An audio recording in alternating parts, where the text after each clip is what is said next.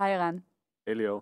היי כולם, הגעתם לסטארט-אפ פור סטארט-אפ, הפודקאסט שבו אנחנו חולקים מהניסיון, מהידע והתובנות שיש לנו כאן ב-monday.com וגם מחברות אחרות. הוא מיועד לכל מי שסטארט-אפ מדבר עליו ולא משנה באיזה כיסא הוא יושב ברגעים אלו. Startup for startup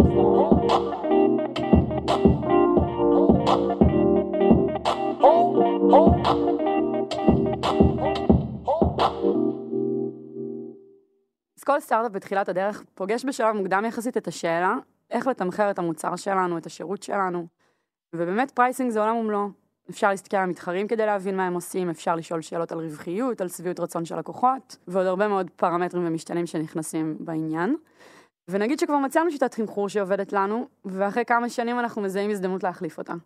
איך בכלל ניגשים לשינוי כזה שמשפיע על כל גורם בחברה, מה marketing וה sales, דרך ה-customer success, ה-finance ועד ה product. אז לטובת העניין הצטרפו אלינו היום אסף בן דוד, שהוא ראש צוות פיתוח כאן בחברה, ואלירן זגביב, שהוא מנהל מוצר ב-monday.com. אהלן. היי. היי. אמ, בואו תגידו רגע במילה למה הצטרפתם. כי זה לא מובן מאליו למה אנחנו הולכים לדבר עם אה, איש product ועם developer על, אה, על pricing. למה אתם פה? אז אני אלירן, אה, שיזהו את הקול.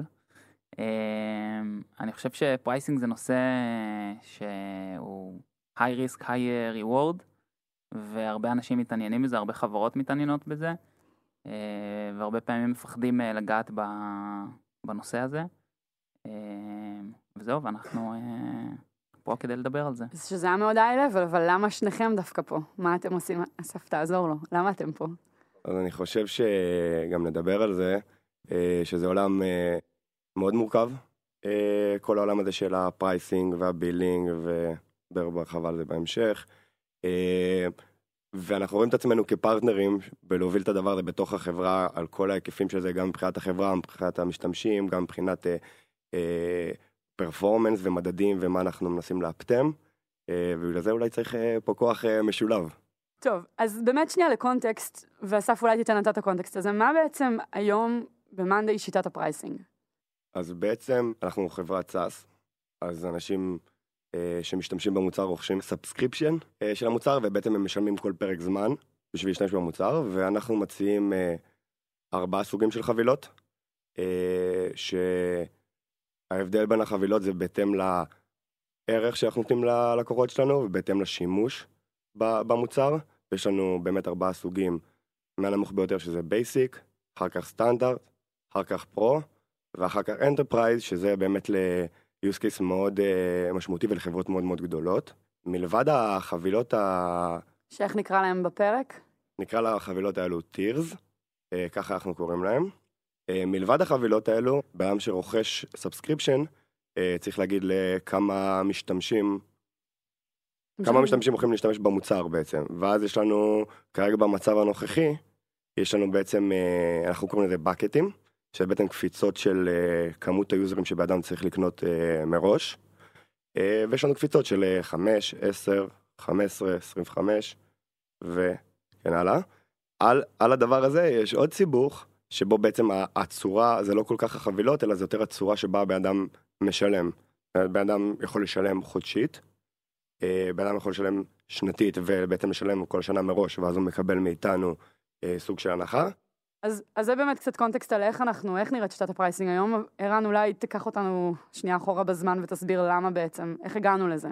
כי שוב, אחת השאלות, גם סטארט-אפים שבאו לבקר אותנו כאן, אחת השאלות הכי בסיסיות ששואלים זה איך מחליטים בכלל, איך לתמחר, נכון? אז זה התוצר היום, חמש, שש שנים לתוך החברה, אבל איך, הגעתם לזה בהתחלה? אז, אז כאילו, דבר ראשון צריך להבין, לתת קונטקסט, כאילו שאסף אמר שאנחנו חברת סאס, ואנחנו בעצם מוכרים אה, מנויים ללקוחות, שבעולם של תוכנות זה לא תמיד היה ככה. אם אה, שנייה נחזור אחורה במנהרת הזמן, אז פעם אנשים היו קונים אה, מה שנקרא perpetual license, שזה בעצם רישיון לכל החיים, להשתמש בתוכנה. בן אדם בא וקונה תוכנה, אם מישהו זוכר, היה הולך לקניון, קונה פוטושופ, קונה ווינדוס, קונה אקסל, לא יודע מה, אופיס, בבאג. ובאג, כן, אני לא יודע אם היה אז באג, וגרסה ספציפית. בגרסה ספציפית, כן, כן. היית קונה פוטושופ אה, 12, הולך הביתה, פותח את הקופסה, מגלה שהקופסה מאוד גדולה אבל הדיסק מאוד קטן, אה, ובעצם אה, מקבל את התוכנה. עכשיו, לא היה שום alignment בין הזמן שבו קיבלת החלטה לשלם לבין ה-value שקיבלת בתוכנה, אז תאורטית, יכלת עכשיו אה, לחזור הביתה, לראות שהפוטושופ לא מתאים לך, וזהו, כבר שילמת. עכשיו, אותו דבר היו גם לחברות enterprise, חברות אה, שהיו קונות תוכנות מחברות אחרות, הן היו בעצם קונות את התוכנה ומשלמות in advance, אה, והדבר הזה יצא חוסר alignment, כאילו בין ה... ה-value שבעצם הרוכש מקבל מהתוכנה לבין המעמד של הקנייה. כי מבחינת המוכר, once הוא קנה זהו, לא מעניין אותך כבר. יש לו באגים, לא מעניין אותך. אתה כבר תוציא גרסה חדשה, הוא ישלם על זה בפעם הבאה. ובעצם ה... אגב, גם המקום שבו קנית את המוצר לא מחויב בהכרח לתת לך שירות ו support ותמיכה, שזה כן. גם עוד איזושהי חנות, הפרדה ש- מאוד גדולה. כן, אבל, אבל גם אם היית קונה ישירות מהחברה, שחברות אה, B2B היו קונות ישירות מחברות אחרות, אז הם היו קונות license עם, עם חוזה, ובעצם היו מחויבות לחוזה הזה. נכון, אה, ואם היו רוצים תמיכה או משהו כזה, הם, הם היו צריכים לשלם extra. on top of it, כן. כן. ובעצם Salesforce שהיו חלוצי ה SaaS בעצם עשו ממש מהפכה בעולם הזה ויצרו בעצם... מרגישה שאנחנו יושבים כמו סבא מסביב כן, למדורה אה? והוא מספר לנו נורא פעם. ניקחתי את הכרטיסיות, פעם לפני שהיה מקלדת. מה, לא, ממש, באמת? אני כבר או שאני סבאלה או. שהתחלתי ממש מוקדם, בוא בוא נלך על אופציה ב'. קיצור, ואז אה, בעצם סיילספורס כאילו עשו איזשהו שינוי, כולם אמרו שהם משוגעים. אה, בעצם התוכנות עברו לווב, כאילו בעצם אתה נכנס לאתר וכולם אמרו מי ישלם כסף על להשתמש באתר אינטרנט, אוקיי זה היה נראה הזוי. אמרו לא רק שישלמו כסף, גם ישלמו כסף תוך כדי כאילו השימוש. ובעצם מה הדבר הזה מייצר? זה מייצר alignment מלא בין הקומיטמנט של החברה אליך לבין התשלום. כי אתה תאורטית בגלל שאתה משלם מנוי ולא משלם מראש, אתה יכול להפסיק בכל זמן נתון, יש לך כאילו את העוצמה להמשיך להפסיק בכל זמן נתון, והחברה מבחינתה רוצה לשמר אותך. אוקיי, אז כאילו פתאום זה יצר איזשהו מאזן כוחות יותר בריא בין הלקוח לבין החברה. והיום בעצם כל החברות SaaS, מה שנקרא בקטגוריה הזאת, זה חברות שבעצם התשלום הוא או לשנה מראש או חודש בחודשו, והן כל הזמן מעדכנות את האתר שלהם, ואכפת להם בעצם שלקוח מקבל value. והוא מקבל value לאורך זמן, כי הם יודעות שיכול לעזוב אותם בכל רגע נתון, הוא לא יתחייב אליהם בשום uh, צורה. אז אנחנו חברת SaaS ובגלל זה יש לנו גם מנוי. עכשיו ספציפית אלינו בתור חברה, אז, אז בעצם uh, כמו כל דבר שעשינו בתחילת הדרך, זה היה מאוד רנדומלי. ה pricing שהחלטנו בזמנו הוא זהה ל pricing שיש לנו היום. מבחינת הוא- המבנה. מבחינת המבנה, לא מבחינת המחיר. Uh, בעצם מבחינת המבנה, ואני אני אגיד את זה פשוט כי זה ככה זה היה, פשוט הסתכלנו ב Jira, שזה... אני בכלל ממליץ לכל יזם שהוא חושב מה לעשות pricing, להסתכל על אה, מתחרים באזור שלו, גם מבחינת uh, התמחור וגם מבחינת ה structure של איך לתמחר. וראינו, יכול להיות שנפלנו על ה A/B tests שלהם אגב, אני לא יודע עד היום, שהם תמחרו ב bucketים. up to כמו 5 שאסף תיאר, users, כן. up to 10 users, רק אני אסביר מה זה אומר, אתה קונה חבילה של 5 ואתה יכול למלא עד חמישה. once אתה עובר את זה, אתה צריך חבילה יותר גדולה. יוזרים. כן. סיץ בעצם. Seats. סיטס. יש למלא את המושבים, יש לנו את המושבים ויש למלא את המושבים, ובעצם אה, פשוט אמרנו יאללה נראה לנו הגיוני, בוא נעשה ככה. והשינויים שעשינו לאורך השנים, הם שאחרי שנה בעצם הכפלנו את המחירים, פשוט לקחנו את המחירים שלנו ופשוט עשינו כפול שתיים, ושחררנו pricing חדש. אחרי זה שינו עוד פעם את המחירים של פי שלוש. אה, כי פשוט אמרו לנו שהמוצר אה, הוא value for money מאוד מאוד טוב, אז אמרנו טוב, משהו פה לא הגיוני, וכדאי להעלות את המחיר. אתה רוצה שאנשים אה, ישלמו על, על משהו שהם מקבלים value ושיהיה איזשהו friction מסוים, בסדר? שכאילו זה לא סתם ישלמו בשביל, כי זה זול, אלא ישלמו כי זה מביא להם ערך, זה מייצר alignment מאוד מאוד טוב. אנחנו נחזור לנקודה הזאת בהמשך. אה, וזהו, ואנחנו בעצם עם ה pricing הזה עד היום, והחבר'ה פה אחראים על המהפכה הבאה אה, בפרייסינג. כן, אז רגע, עוד- עוד עוד קצת לפני שנגיע למהפכה, בלי לחץ. כן. או-אה, אולי ננמיך פה את המזגן, נהיה חם. בואו נבין שנייה, כן רגע, הרי בסדר, אז בחרתם שיטה בצורה רנדומלית, אבל דבקנו בה כל השנים כי היא עבדה לנו. אז בואו נבין שנייה מה... כן, מה זה עבדה לנו? יש לה אה, יתרונות. יש לה יתרונות ויש לה חסרונות. מעולה, אז בואו נדבר עליהם. סבבה. אז מבחינת היתרונות, אז לנו כחברה, אה, ברגע ש account או איזשהו user לוקח לצוות שלו, למשל זה צוות של אה, שלושה אנשים והם לוקחים bucket של חמישה seats. אז בעצם הם מייצרים, הם משלמים על זה מראש והם מייצרים בעצם מצב שבו הם מקבלים את ההחלטה מראש ואז יהיה להם מאוד קל למלא את, ה, את הכיסאות הנותרים ב bucket שלהם. המצב הזה יוצר אה, סיטואציה שבה בעצם הם מקבלים יותר ערך. אה, כי בעצם למה? אין להם חיכוך ב- בגדילה. יש נקודת חיכוך אחת שזה בקנייה למשל, אה, אז הם מחליטים אוקיי אנחנו נקנה עכשיו חמישה מושבים, ואחר כך לגדול משלושה לארבעה לחמישה, זה, זה בעצם אפס חיכוך, כי הם שילמו אז על זה רגע מראש משהו כבר. עוד פעם טיפה בסיסי, אבל רק כדי לוודא שאנשים נשארים איתנו, כי אנחנו הולכים להעמיק מאוד. אז כשאתה מדבר על נקודת חיכוך, בעצם יש פה איזושהי הנחה שכשבן אדם צריך לשלם, אז הוא עוצר ושואל, ושנייה באמת, כמו שערן אמר קודם, האם זה שווה לי, האם זה משתלם לי. כן. ואתה אומר שבשיטה הזאת יש נקודה אחת כזאת, ואחר כך כאילו אפשר להמשיך ולמלא את ה... לנצל את מה שכבר קנינו, נכון? ולהתרחב בלי לחשוב כל פעם על האם זה יותר יקר לי או פחות יקר לי. נכון. פחות לשאול שאלות על כסף ויותר להתמקד ב value שהמוצר נותן. נכון, המצב הזה מייצר uh, סיטואציה ש... שה user בעצם יש לו איזושהי commitment בגלל שהוא שילם מראש ואז הוא רואה גם יותר value.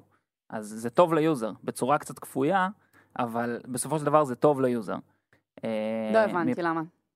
בגלל שהוא מתחייב מראש בעצם לחמישה מושבים האלה. אז פסיכולוגית הוא ימצא סיבות ללמה זה טוב? לזה אתה מתכוון? לא הבנתי למה אתה לא. אומר שהוא יש לזה value. אוקיי, אז, אה, אז Monday זה כלי קולבורציה, אה, שעוב- שצוותים עובדים ביחד, אחד עם השני, וככל שיש יותר אנשים במוצר, אז הם יקבלו יותר ערך מהדבר הזה. בעצם אה, זה יעזור להם בעצם אה, לתקשר במערכת ולקדם את, ה, את מה שהם עובדים עליו. כלומר, בעצם אם מישהו קונה user אחד, לא שזה אפשרי, אבל אם מישהו היה קונה user הוא אחד, הוא לא היה מסוים. מקבל את הערך שאנחנו חושבים שאפשר לקבל מהמוצר, ו...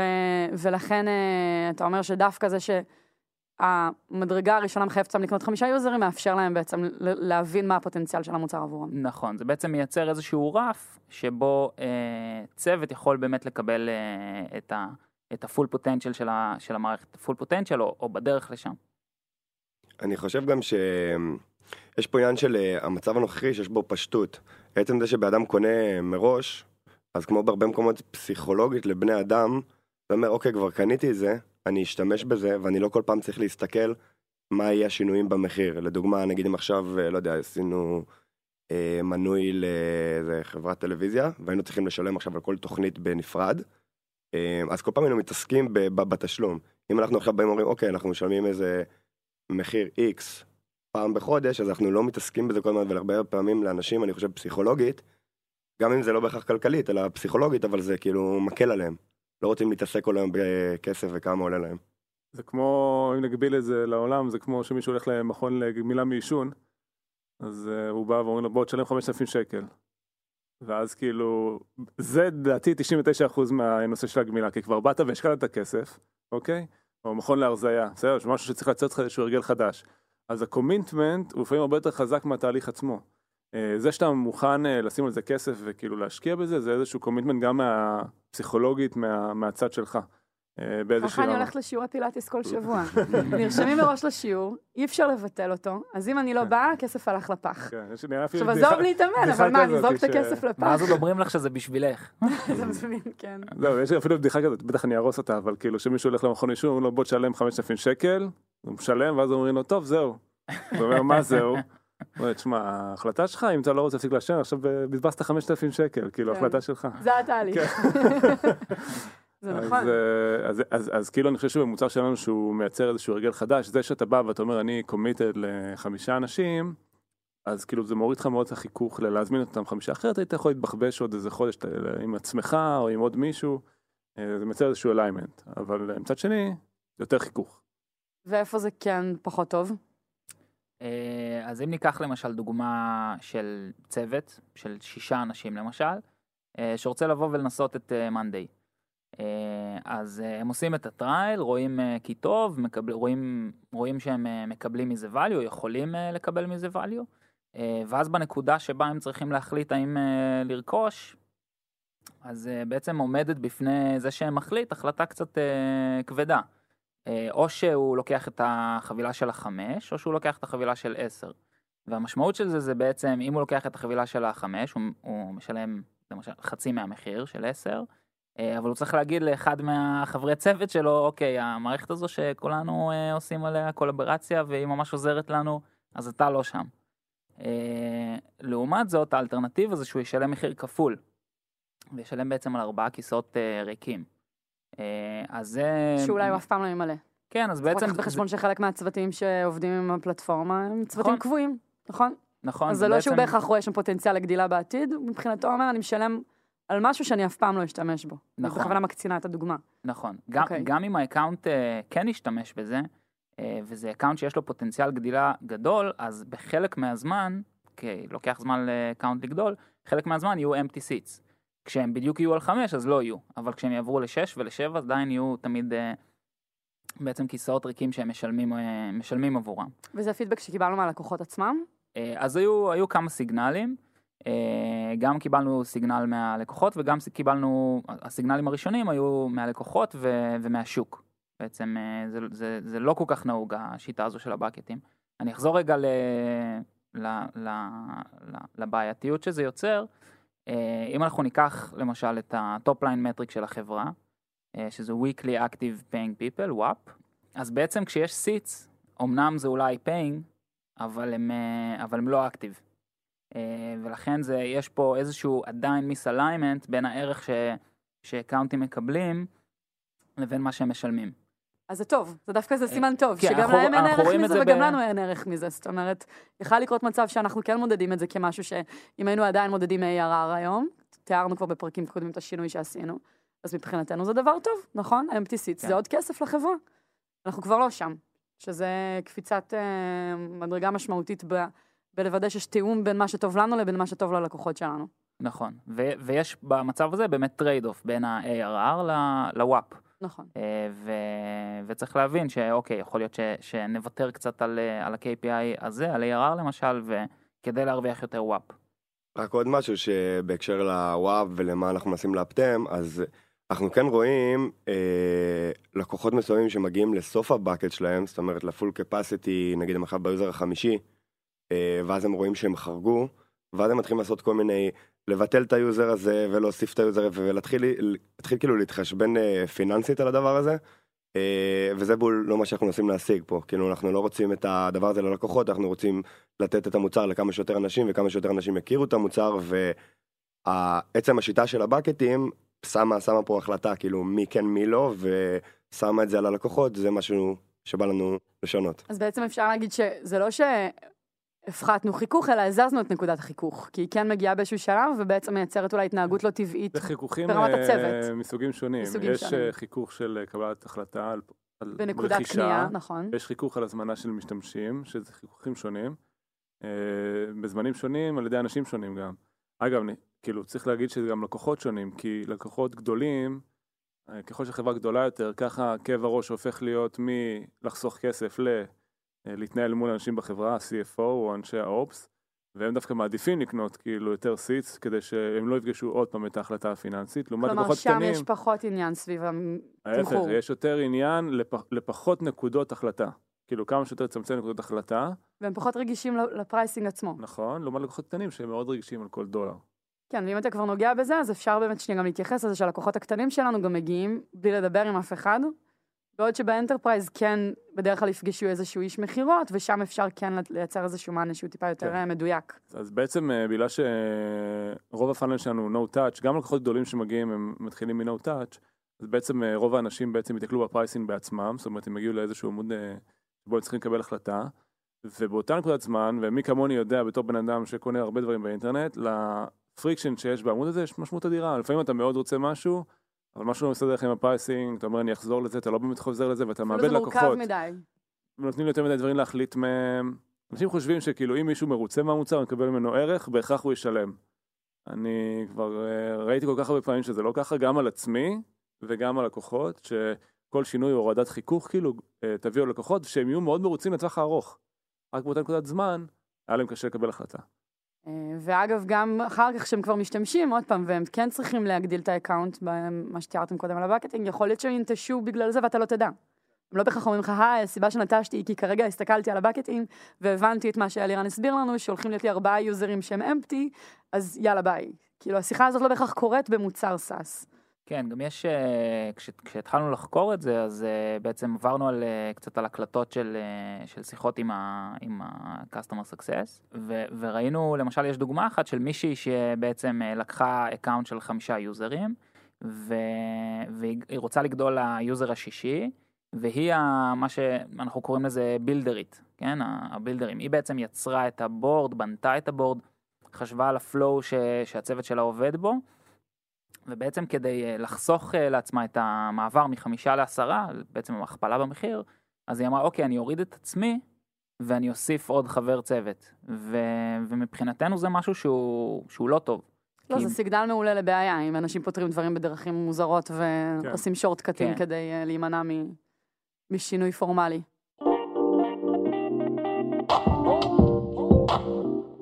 אז בלי לחץ, בעצם באתם אה, לשנות את אה, שיטת התמחור של monday.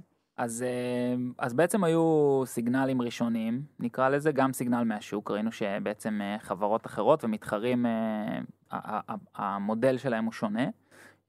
וגם מהלקוחות הקיימים, אז ראינו בעצם ש, ש, שיש תלונות על הדבר הזה, על השיטת pricing שלנו. אה, וגם ברמת ההתנהגות, כמו שתיארת לפני רגע. נכון. אוקיי, אז אה, מה זו- עשיתם? אלה, אלה היו הסיגנלים הראשונים, ואז בעצם התחלנו, התחלנו לחקור את הדבר הזה. אז סיגנל נוסף שהסתכלנו עליו, זה בעצם הסתכלנו על, אה, על יוזרים שנמצאים ב trial. אוקיי. ראינו שהם עדיין לא הוסיפו, משלמים. עדיין לא משלמים, הם הוסיפו מספר מסוים של יוזרים, נגיד שלושה, ואז בדקנו, אוקיי, אקאונטים, צוותים עם שלושה אנשים, מה הסיכוי שלהם להפוך ללקוחות משלמים. ואז ראינו שאקאונטים שנמצאים בתחילת כל bucket, מבחינת כמות היוזרים, יוזר אחד, שניים, שלושה, אה, מתוך ש- חמישה. מתוך חמישה, ואז שישה ושבעה מתוך עשרה, 11, 12 מתוך 15 ו- וכן הלאה. אה, בעצם כל האקאונטים האלה שנמצ... שנמצאים בתחילת bucket, בעצם הסיכוי שלהם להפוך ליוזר משלם יורד. הם צריכים לשלם על יותר כיסאות ריקים. אם יש משהו שאתה משלם עליו אבל אתה לא משתמש וזו תחושה מבאסת, זה דבר אחד. דבר שני, שזה עולם באמת הוובי, זה איך הדברים נראים. ואם בן אדם מגיע למקום, למוצר של מתחרים ורואה מחיר, אה, המחירים שהוא רואה זה 10-20, אה, שזה פר יוזר, אה, זה משהו אחד. אז הוא רואה, אני מתחיל עכשיו, התשלום שלי מתחיל מ-10 דולר. לעומת זה אצלנו, שהמחיר בחבילה הזולה ביותר שלנו הוא 5 דולר ליוזר, אבל אנחנו מתחילים מחמישה יוזרים, אז הוא רואה 25. אז הוא בראש שלו אומר, אוקיי, monday זה מוצר יותר יקר, פה אני מתחיל מ-25 לעומת 10, למרות שזה לא המצב. ואז אנחנו לא מרוויחים מאף אחד מהעולמות. כי אף אחד לא מחלק בראש שלו את כמה עולה הבקט, חלקי כמות היוזרים ומשווה. ובצדק אגב, אתה מצ... לא, אנחנו ברור, צריכים זה לעשות את העבודה הזאת. עבורם. נכון. אתה יודע, אני חושבת על זה עוד פעם, בסאס, אבל גם בכל עולם אחר, גם באי-קומרס יש את הבעיה הזאת. ככל שאתה עובד יותר קשה כדי להבין כמה אתה משלם על משהו, אתה כן. מתישהו בדרך נשבר אז, אה, ואומר, לא עשו פה עבודה מספיק טובה בשבילי. אז בסופרסל אה, מראים מחיר ל-100 גרם, שתוכל להשוות בין שתי אה, חבילות שהן בגדלים שונים, במחירים שונים, וזה נותן לך בנצ'מארק. נכון. אני חושב שזה מאוד חשוב גם מה, מה הסטנדרט בשוק. זאת אומרת, אם אנשים רגילים עכשיו לבקטים, אז אולי זה היה עובר. אבל אם עכשיו באמת הרבה מאוד חברות SaaS משתמשות ב price per user, וזה, וזה החישוב שאנשים כרגע. אה, עושים בראש, אז, אז, אז, יותר, אז זה מייצר פער אפילו יותר גדול. רק שנסביר מה זה price per user, אז בעצם לוקחים את, אה, זה פשוט ליניארי, לוקחים את כמות המשתמשים, מכפילים אותו בסכום כסף וזה מה שיוצא. הורדת אחד, אתה משלם פחות, הוספת אחד, תשלם יותר. אצלנו זה בעצם במדרגות. אה, וזה ההבדל. אז זה בעצם ההזדמנות שהסתכלתם עליה, נכון? המעבר מבקטים ל price per user? נכון. אוקיי. כחלק מהמחקר גם ראינו שאם הסתכלנו על אה, אקאונטים אה, שהצליחו כבר, אה, למשל אקאונטים בגודל אה, 25 יוזרים, ואז הסתכלנו אחורה על, על כל האוכלוסייה הזאת, ובדקנו בעצם איך הם הגיעו למצב שבו הם אה, 25 אנשים, הרי כנראה שהם לא ישר קנו 25 יוזרים, אה, אז הסתכלנו בעצם על, על, על כמה זמן לקח להם לגדול, כמה זמן לקח להם להוסיף כל יוזר. וגם פה ראינו איזשהו, איזשהו אה, אה, עיוות אה, על פי הבקטים. זאת אומרת, את היוזר הראשון לקח להם מעט זמן, כמה ימים, שלושה ארבעה ימים, את היוזר השני, השלישי, ואז בסוף ה bucket הרביעי והחמישי זה כבר לקח להם יותר זמן. ואז הם ממש נתקעו ב- ביוזר החמישי עד שהם הוסיפו את היוזר השישי, ואז שוב אה, הגדילה הייתה יותר מהירה. אז, אז הייתה פה, היה פה מתאם בין... אה, כן, חוזר בין, כל אה, הזמן לאותה נקודה שתיארת נכון. קודם מבחינה התנהגותית, כן. שמישהו יושב ואומר, מצד אחד אני רואה המון ערך ורוצה להשתמש במוצר, מצד שני יש לי פה עכשיו, מתקרבת לי איזושהי נקודת החלטה, איך אני נמנעת ממנה על ידי פעולות שאני יכולה לעשות מבלי לשלם. נכון, ככה אני מדמיינת את הדבר הזה, אם אני בעצם עכשיו אה, לקוחה שמשתמשת. כן. אוקיי. ואת זה באנו לפתור. כן, אז, אז דבר ראשון, את זה באנו, באנו לבדוק בעצם, אה, האם ההזדמנות הזו ראויה. כמה בדיקות. אה, כן, כאילו, אז... למה זה כל כך הרבה בדיקות? אה, לא, וזה באמת גם לא טריוויאלי, כי במאנדיי, כל מי שהקשיב עד היום מבין שדברים זזים מאוד מהר. ובעיקר אנחנו בדרך כלל מתארים פעולות שאנחנו עושים, והרבה פחות מחקר. זאת אומרת, תמיד יש מחקר, אבל הוא קורה גם תוך כדי תנועה, וגם הדברים יותר ברורים מאליהם. אמ, ואתה מתאר פה הרבה מאוד מחקר מהרבה מאוד זוויות, והרבה שלב של הכנה. בוא נבין רגע למה. כאילו, למה זה, וזינו יותר דרמה, מה הדבר הזה, על מה זה יכול להשפיע שינוי בתוך הדבר הזה? אוקיי, אז אני רגע אז אה, אומר מה בעצם השינוי. אה, אז זה אומר, אוקיי, לשנות את המודל מבקטים ל price per user, זה אומר לשנות את המחיר, כי יש השפעה לזה שעוברים ל price per user וצריך לפצות על ה- על ה- על ה-empty seats בעצם. אה, זה אומר שהשיטה שבה, ההתנ... שיטת ה billing בעצם, שהלקוח שיש לו אינטראקציה איתה, היא שונה לגמרי. הוא מוסיף יוזר אחד, מוריד יוזר אחד, מה קורה? הוא מקבל קרדיטים, הוא מקבל את הכסף חזרה. אה, זה הכל דינמי. שאלות, כן, זה הרבה יותר דינמי, הוא לא בעצם אה, מחכה ל bucket הבא, וזה הרבה יותר נקודות אה, אינטראקציה בעצם של, של billing. כן, אני חושב שבאמת מה שאמרת, שאנחנו לא מפחדים משינויים בחברה, ויש לנו, אני חושב שלופו גם הייתה פה ודיברה על כמה A-B טסטים אנחנו מריצים, ש... גם אבירם דיבר על A-B testing. אה, נכון, נכון. ודיברו הרבה על A-B טסטים, אה, ואנחנו באמת לא מפחדים משינויים כאלו ולנסות דברים, אבל אני חושב שבעולם הזה ספציפית, השינויים הם, הם חייבים להיות מאוד מדויקים.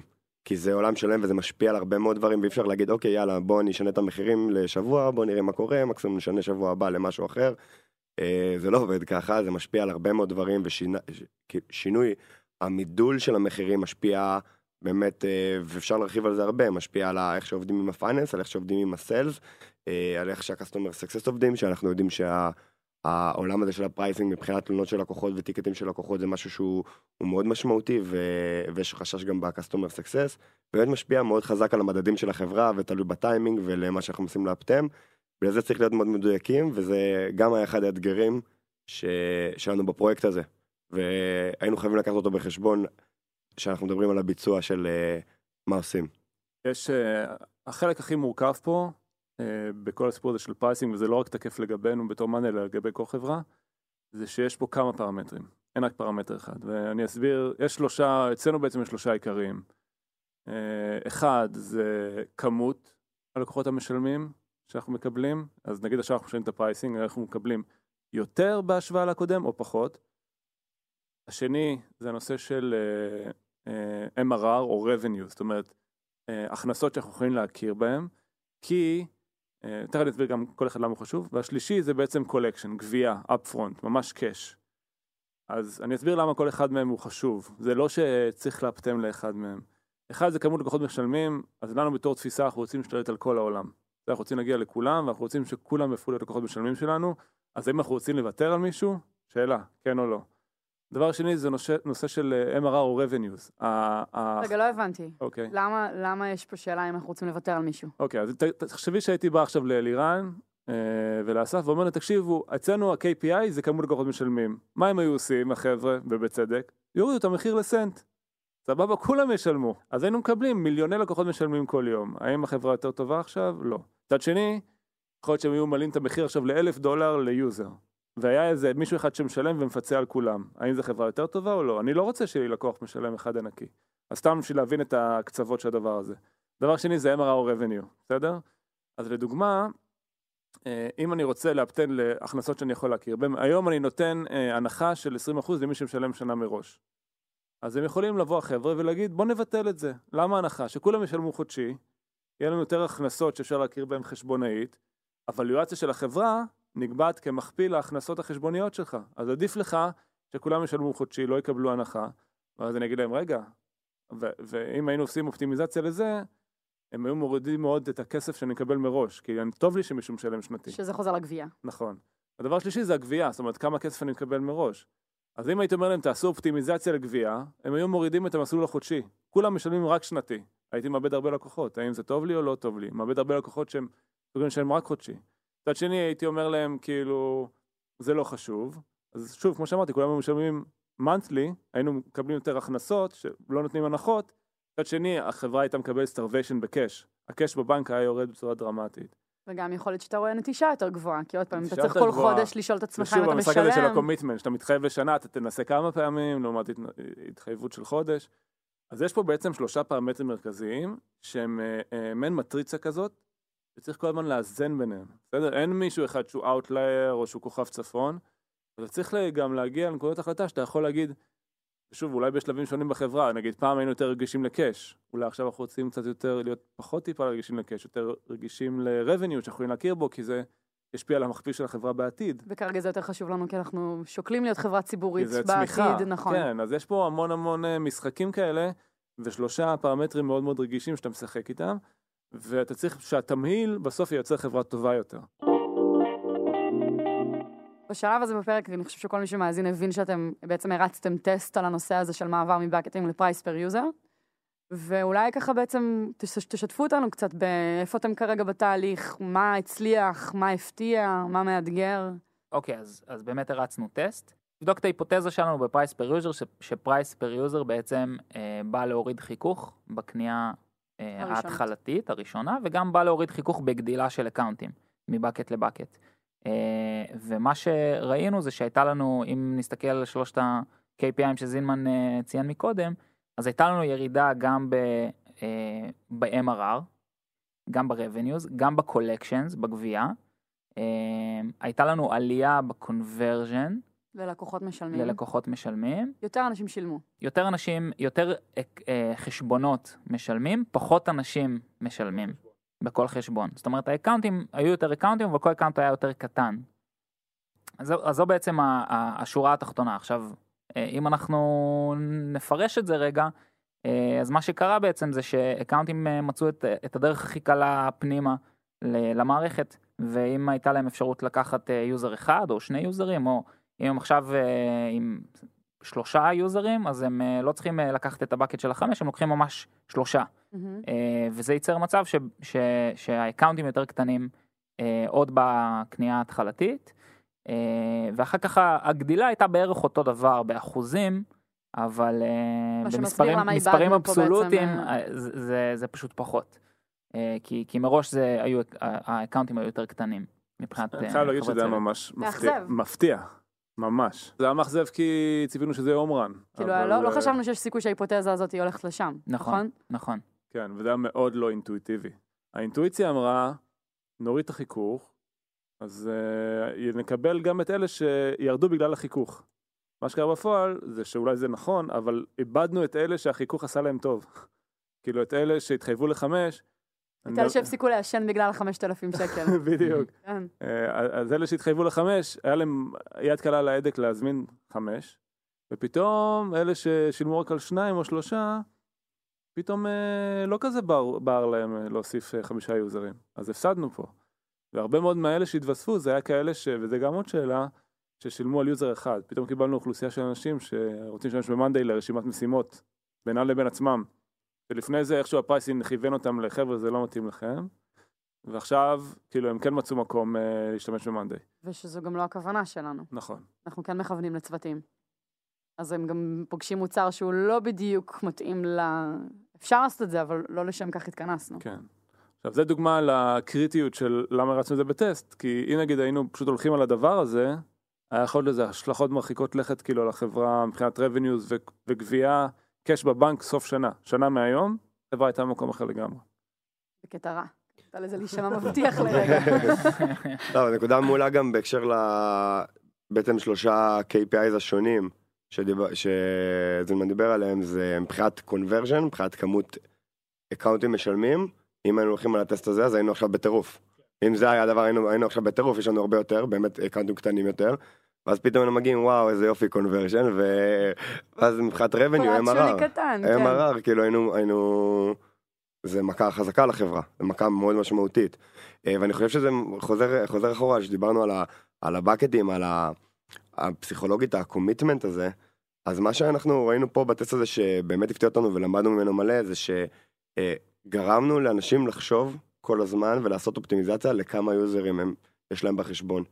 אה, ואז אנשים בנו את ה account בצורה שאנחנו מאמינים שהיא לא נכונה. אנחנו מאמינים בן אדם ל monday באמת עם user אחד, זה לא נכון.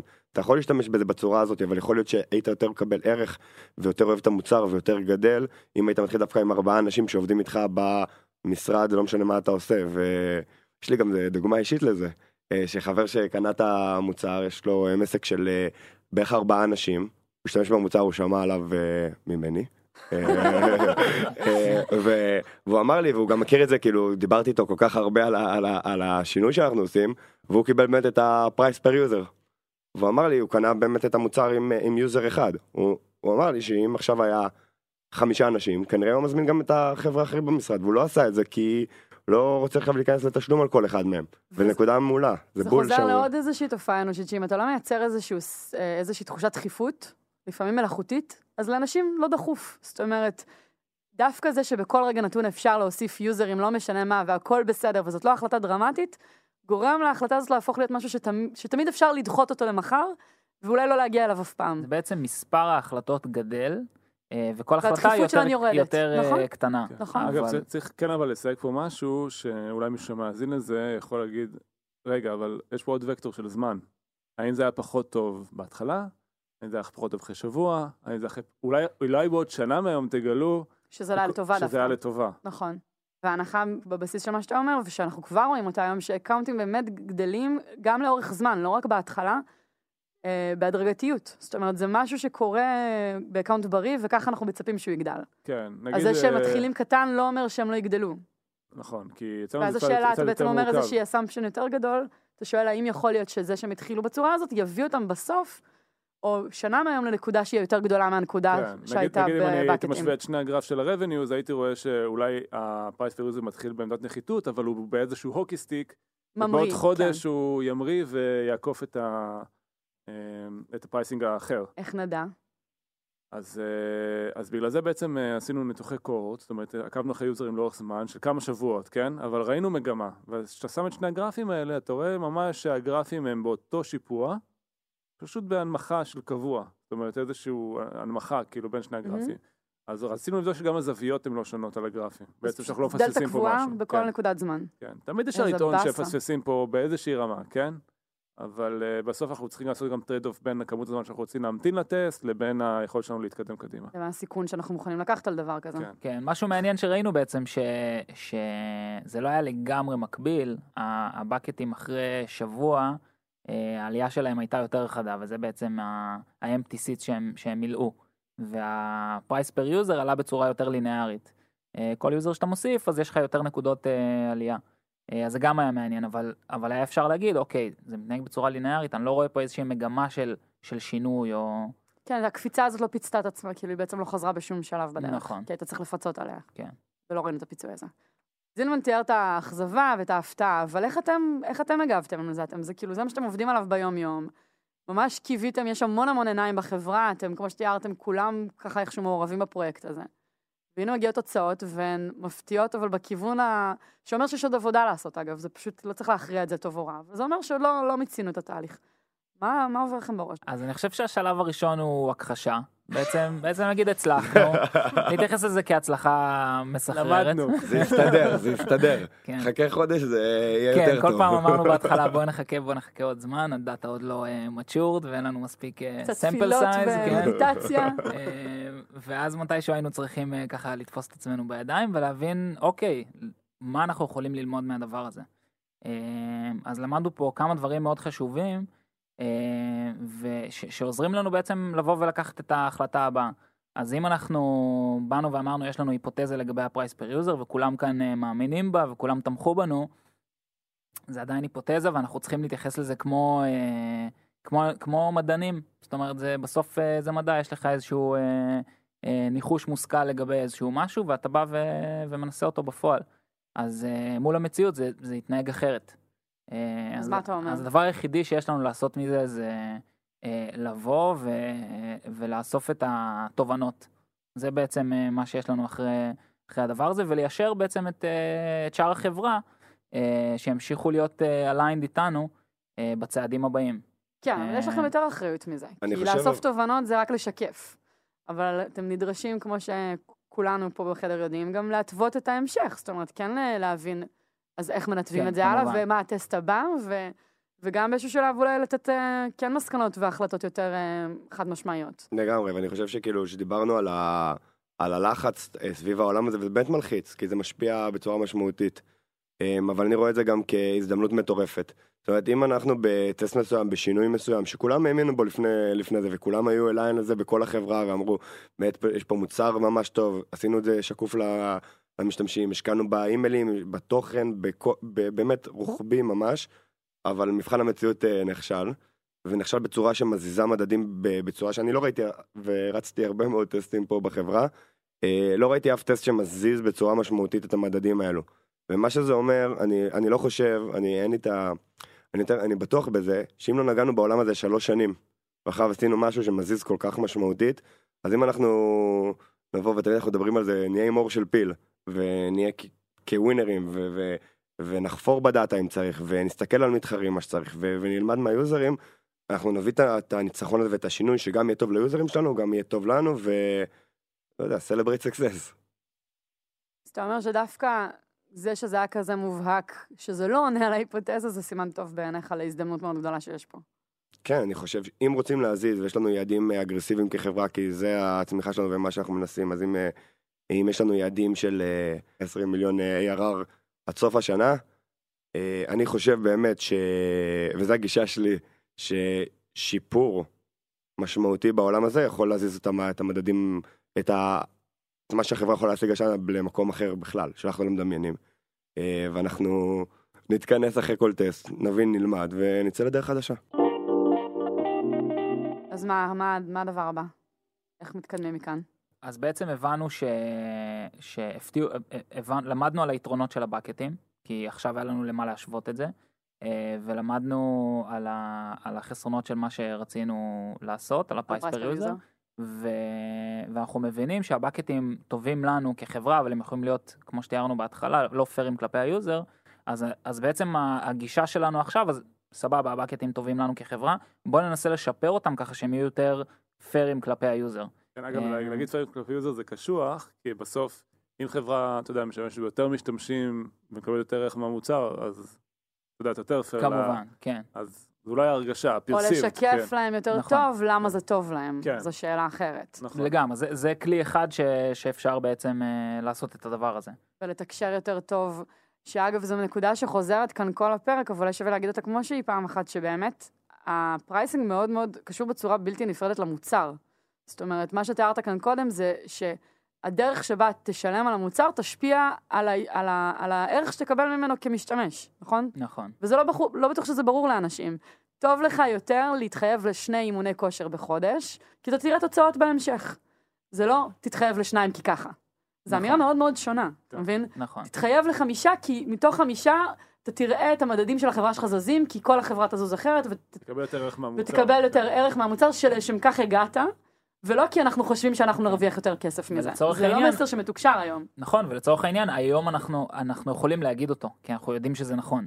אה, אז אנחנו יכולים להגיד את זה ל user, ושזה באמת, אה, שזו האמת בעצם. עכשיו, בתוך התהליך הזה של הטסטים, תראו מה עשינו, בעצם היינו במקום מסוים, A, הלכנו למקום אחר B, שהוא מאוד רחוק מ-A. שינינו את המחירים, שינינו את ה-price per user וכולי, נכשלנו.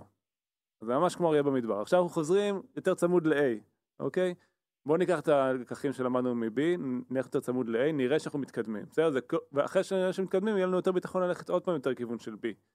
אז באמת נגענו בהרבה מאוד אה, נקודות, ועוד פעם, אם מישהו חושב שזה לא מורכב מספיק, אז היו עוד הרבה שינויים, גם ברמת המוצר שעשינו בתקופה הזאת, כדי לתמוך בטסט וכדי לבדוק את ההיפותזה. אני רק אזרוק את זה כרגע כטייטלים. למשל, אה, יצרנו פונקציה חדשה שנקראת Fuse Only, שמאפשרת לאנשים רק לראות דברים בתוך המוצר, אבל לא ממש אה, לייצר שם שינויים. והתחלנו לגעת בעולם שנקרא Free Tier. בעצם הסיבה שאני אומרת את כל הדברים האלה זה כדי להסביר לכל מי שמאזין שיהיה לנו עוד פרק על pricing בהמשך. אה, ושזה פרק באמת שהמטרה שלו היא שנייה לזכור תהליך שהוא ממש בהתהוות כרגע, וזה קצת כיף שאין לנו שום יכולת להעמיד פנים שיש איזושהי תובנה מאוד מוחלטת על איך נכון. לסכם. עוד לא לא, אבל אין הצלחות, לך כן. מסקנה חד משמעית. נכון. אין לך שום ביטחון על לאן הדבר הזה ילך, אולי ניפגש עוד חודשיים ונגיד X, ואולי נגיד Y, והסיכוי ל-X או ל-Y הוא, זהה כרגע. בטוח יהיה מעניין. בטוח יהיה מעניין, אם זה, אני חושב שאתה תגיד, זה בטוח אלירן יחייך. אמ, בכל זאת אבל, אם ננסה שנייה ל- ל- ל- לסכם את הפרק, אז אם מישהו כרגע מסתכל על pricing בפעם הראשונה, בסדר? וזה יכול להיות שינוי ב pricing, וזה יכול להיות לייצר עמוד pricing, איזה טיפ הייתם נותנים לו? אה, אז אני חושב שבגלל שיש כאן כל כך הרבה moving parts, גם אה, כמה KPI'ים שמשפיעים אחד על השני, אה, גם בתוך החברה זה יכול להשפיע על הרבה דברים, גם כלפי היוזרים, יש פה, זה באמת מנגנון מאוד מאוד מורכב, אז אני הייתי ממליץ לבוא ולהסתכל על המתחרים ולהבין איזה, מה האופציות ש, ש, שקיימות כבר. אה, וללכת לאיזשהו כיוון אה, כזה, אולי עם התאמות אה, מסוימות ש, ש, שיכולות להתאים לך, אבל, אבל לנחש פה בהתחלה, במיוחד בהתחלה שאי אפשר עדיין לעשות טסטים, לדעתי זה, זה מאוד מאוד risky. אז לדעתי זה, זה הכיוון ש, שלא שהייתי הולך. צריך להמציא את הכל מחדש. נכון. אני חושב שאם אני הייתי תוקף, תוקף את הבעיה הזאת עכשיו, הייתי מבין מי היוזרים או מי המשתמשים שאני מכוון אליהם, כמו בכל דבר, וגם פה אנחנו למדנו שיש לנו את האקאונטים הרגישים יותר, הקטנים, ויש לנו את האקאונטים הגדולים, אז בן אדם צריך לחשוב מי, למי הוא מכוון, וה pricing model צריך לתמוך בזה. אה, הייתי מסתכל על מתחרים וללמוד על אנשים ש... ללמוד ממוצרים שבאמת חוו כנראה הרבה מאוד דברים, וזה תמיד נכון. ולהבין שבאמת יש פה trade off גדול, ולמה אתה, אתה מנסה לאפטם, אולי הייתי צריך להתחיל בזה, כאילו מה אתה מנסה לאפטם בכלל. אה, ואם אתה עובד עם עוד אנשים, תבין שזה משפיע על הרבה מאוד אנשים בעסק שלך. יש פה הרבה גופים ואתה צריך לייצר שקיפות אה, וביטחון בשינוי הזה, ולהיות חזק. אה, הטיפ שלי הוא, אנשים בדרך כלל אינטואיטיבית חושבים שהם בונים product, ואז הם עושים לו pricing. ומה שחשוב מאוד להבין, ש pricing זה product. כאילו ה pricing שאתה קובע, הוא, יש לו משמעות אדירה על ה product. על מי הוא הלקוחות שלך, אה, איך אתה מכווין אותם להשתמש במוצר, ואיפה אתה מוריד להם חיכוך. וצריך להבין שזה לא איזושהי מניפולציה רגשית, בסדר? זה לא מניפולציה רגשית, זה לא תחמנות, זה ממש איזשהו alignment כאילו בין החברה לבין הלקוחות, זה פילטר, זה תיאום ציפיות, זה המון דברים שבעצם ה pricing מייצר. זה כלי ו... תקשורת. זה כלי תקשורת, כן, לכל דבר. רק שהוא מחייב מישהו להוציא כרטיס אשראי ולשלם. אז ולידציה הכי חזקה לזה שהצלחת או לא הצלחת, כאילו לתקשר את מה שרצית לתקשר. ושברגע שמסתכלים על זה בצורה כזאתי, אז אתה מבין שכאילו יש דרך לייצר אליימנט בין ההצלחה של החברה להצלחה של לקוחות, וזה לא תמיד אינטואיטיבי איך לעשות את זה. וגם נגיד שזה פרק שנדרש הרבה אומץ כדי שנקליט אותו, אז כל הכבוד שהלכתם על זה. נוצר מצב שהרבה מאוד מהפרקים שאנחנו עושים, הם פרקים על דברים שאנחנו כבר יודעים בדיוק איך הם נראים, ואפשר באמת לחגוג הצלחה ככה במעמד on the record, ופתאום לבוא לעשות פרק יותר, אה, יותר פגיע על אמת, זה לא מובן מאליו. אמ, אז ממש תודה ש... שהסכמתם לבוא. אני לא חושב שיש היום בחברה איזשהו נושא יותר רגיש מהדבר הזה, שיש לו יותר השפעה על החברה בלונג טרם, בשורט טרם, על ההצלחה שלה, ואין אנשים שאני יותר סומך עליכם, עליהם מכם והצוות שאתם עובדים איתו, שתעשו את זה, ועד עכשיו עשיתם עבודה מדהימה, זה שלא הצלחנו, סבבה, זה חלק מהתהליך, אבל מבחינתי, הדרך שבה אנחנו מנתחים את זה ומסתכלים על זה, היא נותנת לי המון ביטחון שאנחנו נעשה את הדברים הנכון. ותכל'ס זה פאקינג קשה, אז uh, כיף שאתם על זה. תודה שבאתם, תודה זינמן. תודה ליאור. תודה שהאזנתם. startup for startup for startup. Oh, oh.